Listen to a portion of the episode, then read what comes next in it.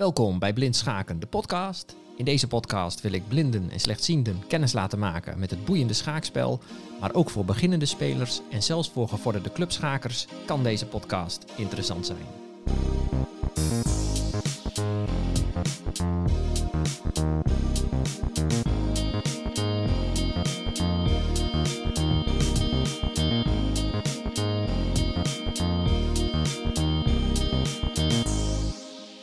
Om maar meteen met de deur in huis te vallen, alle schakers doen aan blind schaken. Je mag tijdens een partij niet alle stukken verzetten.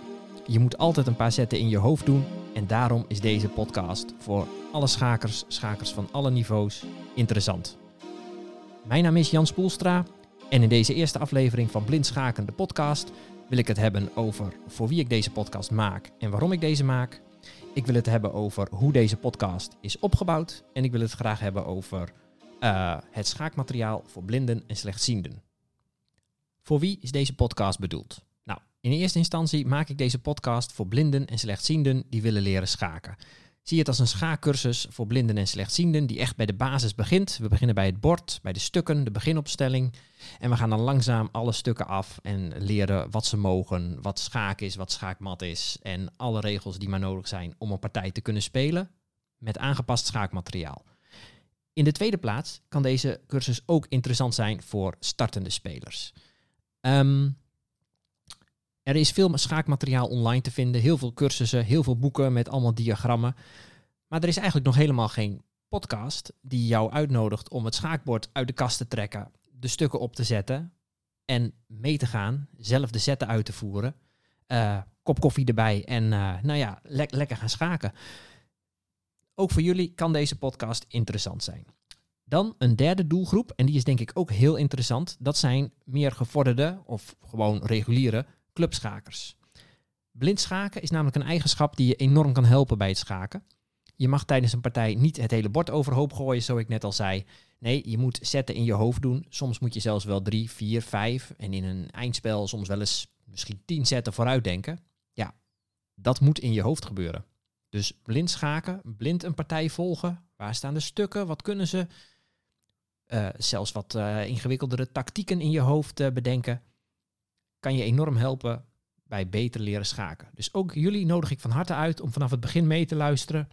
Misschien moeten jullie pas in aflevering 4 inhaken, waar ik het over de, dame en de koning ga hebben. En een eerste stelling op het bord ga zetten met al een klein tactisch grapje erin.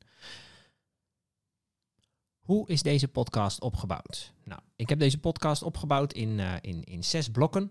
En ik ga beginnen in het eerste blok bij de regels en de basis. Dus uh, dat start met deze aflevering uh, over schaakmateriaal voor blinden en slechtzienden. Um, in de volgende aflevering ga ik het hebben over het bord en hoe we de velden gaan benoemen. In de derde aflevering gaan we dan uh, alle stukken erbij pakken en de beginopstelling op het bord zetten. En daarna gaan we één voor één alle stukken bij langs en wat ze mogen. En ondertussen leren we ook al wat tactische grapjes. Uh, we leren ondertussen wat schaakmat is, wat schaak is en wat je eraan moet doen, uh, et cetera. Dan in het tweede blok ga ik het hebben over een aantal eindspelen die je moet kennen. Wat als je een klein voordeel hebt aan het eind van een partij, hoe kun je dat verzilveren? Dus dan gaan we leren hoe je schaakmat moet geven met, uh, met koning en dame, hoe je schaakmat moet geven met uh, koning en toren, of met koning en twee lopers.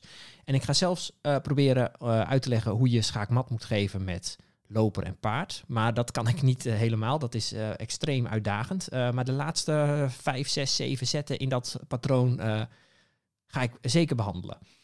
Ik ga ook behandelen in, in dat blokje hoe je een pion moet promoveren en hoe je kan zien uh, of die de overkant haalt en uh, ja, tot een dame gepromoveerd mag worden. Nou, dan in het derde blokje ga ik een aantal korte partijen de revue laten passeren. Het, uh, het, het, het, het klassieke headersmat en allerlei andere korte schaakmatjes ga ik op het bord zetten. maar ik ga ook wat korte partijen die zo'n 20 zetten duren proberen op het bord te zetten. Waarin mensen agressieve openingen spelen zodat, uh, ja, zodat je in je hoofd alvast een kort partijtje kan volgen en we kennis maken met allerlei tactieken en met schaakmatpatronen en dat soort dingen. Nou, dan in het vierde blok wil ik alle tactieken in het schaakspel één voor één bij langs. Daar eenvoudige stellingen voor op het bord zetten en jullie wat handvaten geven om deze te onthouden. In het vijfde blok, en dan zijn we waarschijnlijk al meer dan een half jaar verder, ga ik het hebben over uh, strategische overwegingen in een schaakpartij. Wat doe je met je pionstructuur? Wat zijn je goede stukken? Wat zijn je slechte stukken? En welke wil je dus juist afruilen en welke niet? Ehm, nou ja, dat soort dingen. Hoe zorg je voor een klein voordeel in het eindspel? Dan in het laatste blok wil ik nog weer ingaan op het einde van een partij, schaakmat. En wil ik een aantal schaakmatpatronen uh, op het bord zetten. Waar je altijd naar zou moeten uitkijken als je een partij speelt. Nou, dan zijn we waarschijnlijk uh, een jaar verder. Ik heb een klein lijstje gemaakt met onderwerpen. Dat zijn zo'n 50 podcasts. Ik weet niet of ik er aan toe kom om het wekelijks te publiceren. De eerste vijf podcasts ga ik meteen online zetten. En daarna hoop ik wekelijks op vrijdagmiddag te publiceren. Nou, dat nu ter inleiding. Uh, dan gaan we nu naar het hoofdonderwerp. Uh, het schaakmateriaal voor blinden en slechtzienden. Het schaakmateriaal voor blinden en slechtzienden heeft drie eigenschappen waardoor blinden en slechtzienden het, uh, het, de, de stelling kunnen voelen. In de eerste plaats zijn de zwarte velden verhoogd ten opzichte van de witte velden. In de tweede plaats zitten in het bord uh, gaatjes uh, waar pinnetjes die onder de stukken zitten invallen en waardoor de stukken vaststaan in het bord en je de stelling kan voelen. En de stukken dus niet omvallen. In de derde plaats hebben de zwarte stukken een spijkertje op hun kop, waardoor je kan voelen wat de zwarte stukken zijn en wat de witte stukken zijn. Nou, uh, het schaakmateriaal komt eigenlijk ruwweg in, in, in, in twee formaten als je online gaat zoeken. In de eerste plaats heb je uh, klein formaat borden van zo'n 20 bij 20 centimeter. Die zijn vooral geschikt voor blinde mensen of mensen die echt heel slecht kunnen zien en echt de stelling uh, moeten voelen. Dan hoef je geen grote armbewegingen te maken en dan is er geen reden om het bord groter te maken dan, uh, dan dit.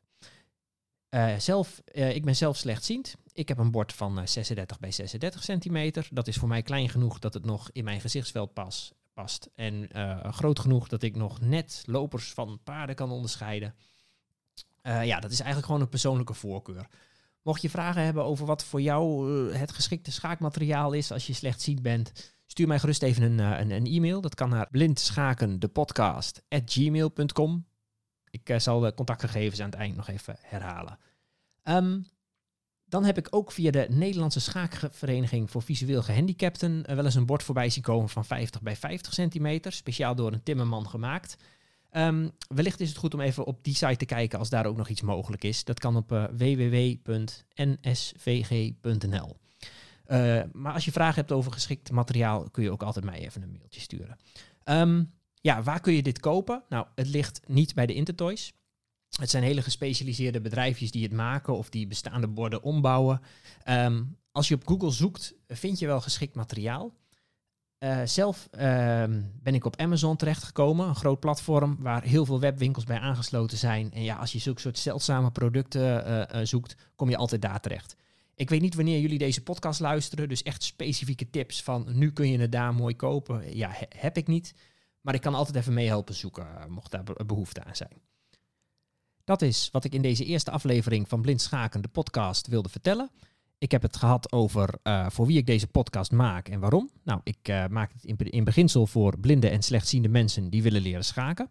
Een soort schaakcursus voor hen. In de tweede plaats is het ook voor beginnende spelers die aan de keukentafel willen leren schaken met een echt bord en echte stukken en zelf de zetten willen doen. In plaats van achter een YouTube filmpje te zitten. En in de derde plaats uh, is het ook een, interessant voor meer gevorderde spelers die beter vooruit willen leren denken. Stellingen visualiseren, uh, om zo beter te worden. Nou, ik ben ook heel benieuwd wat uh, iedereen hiervan vindt. Dus stuur mij gerust een e-mail. Dat kan naar blindschakendepodcast.gmail.com. Dat is het voor nu.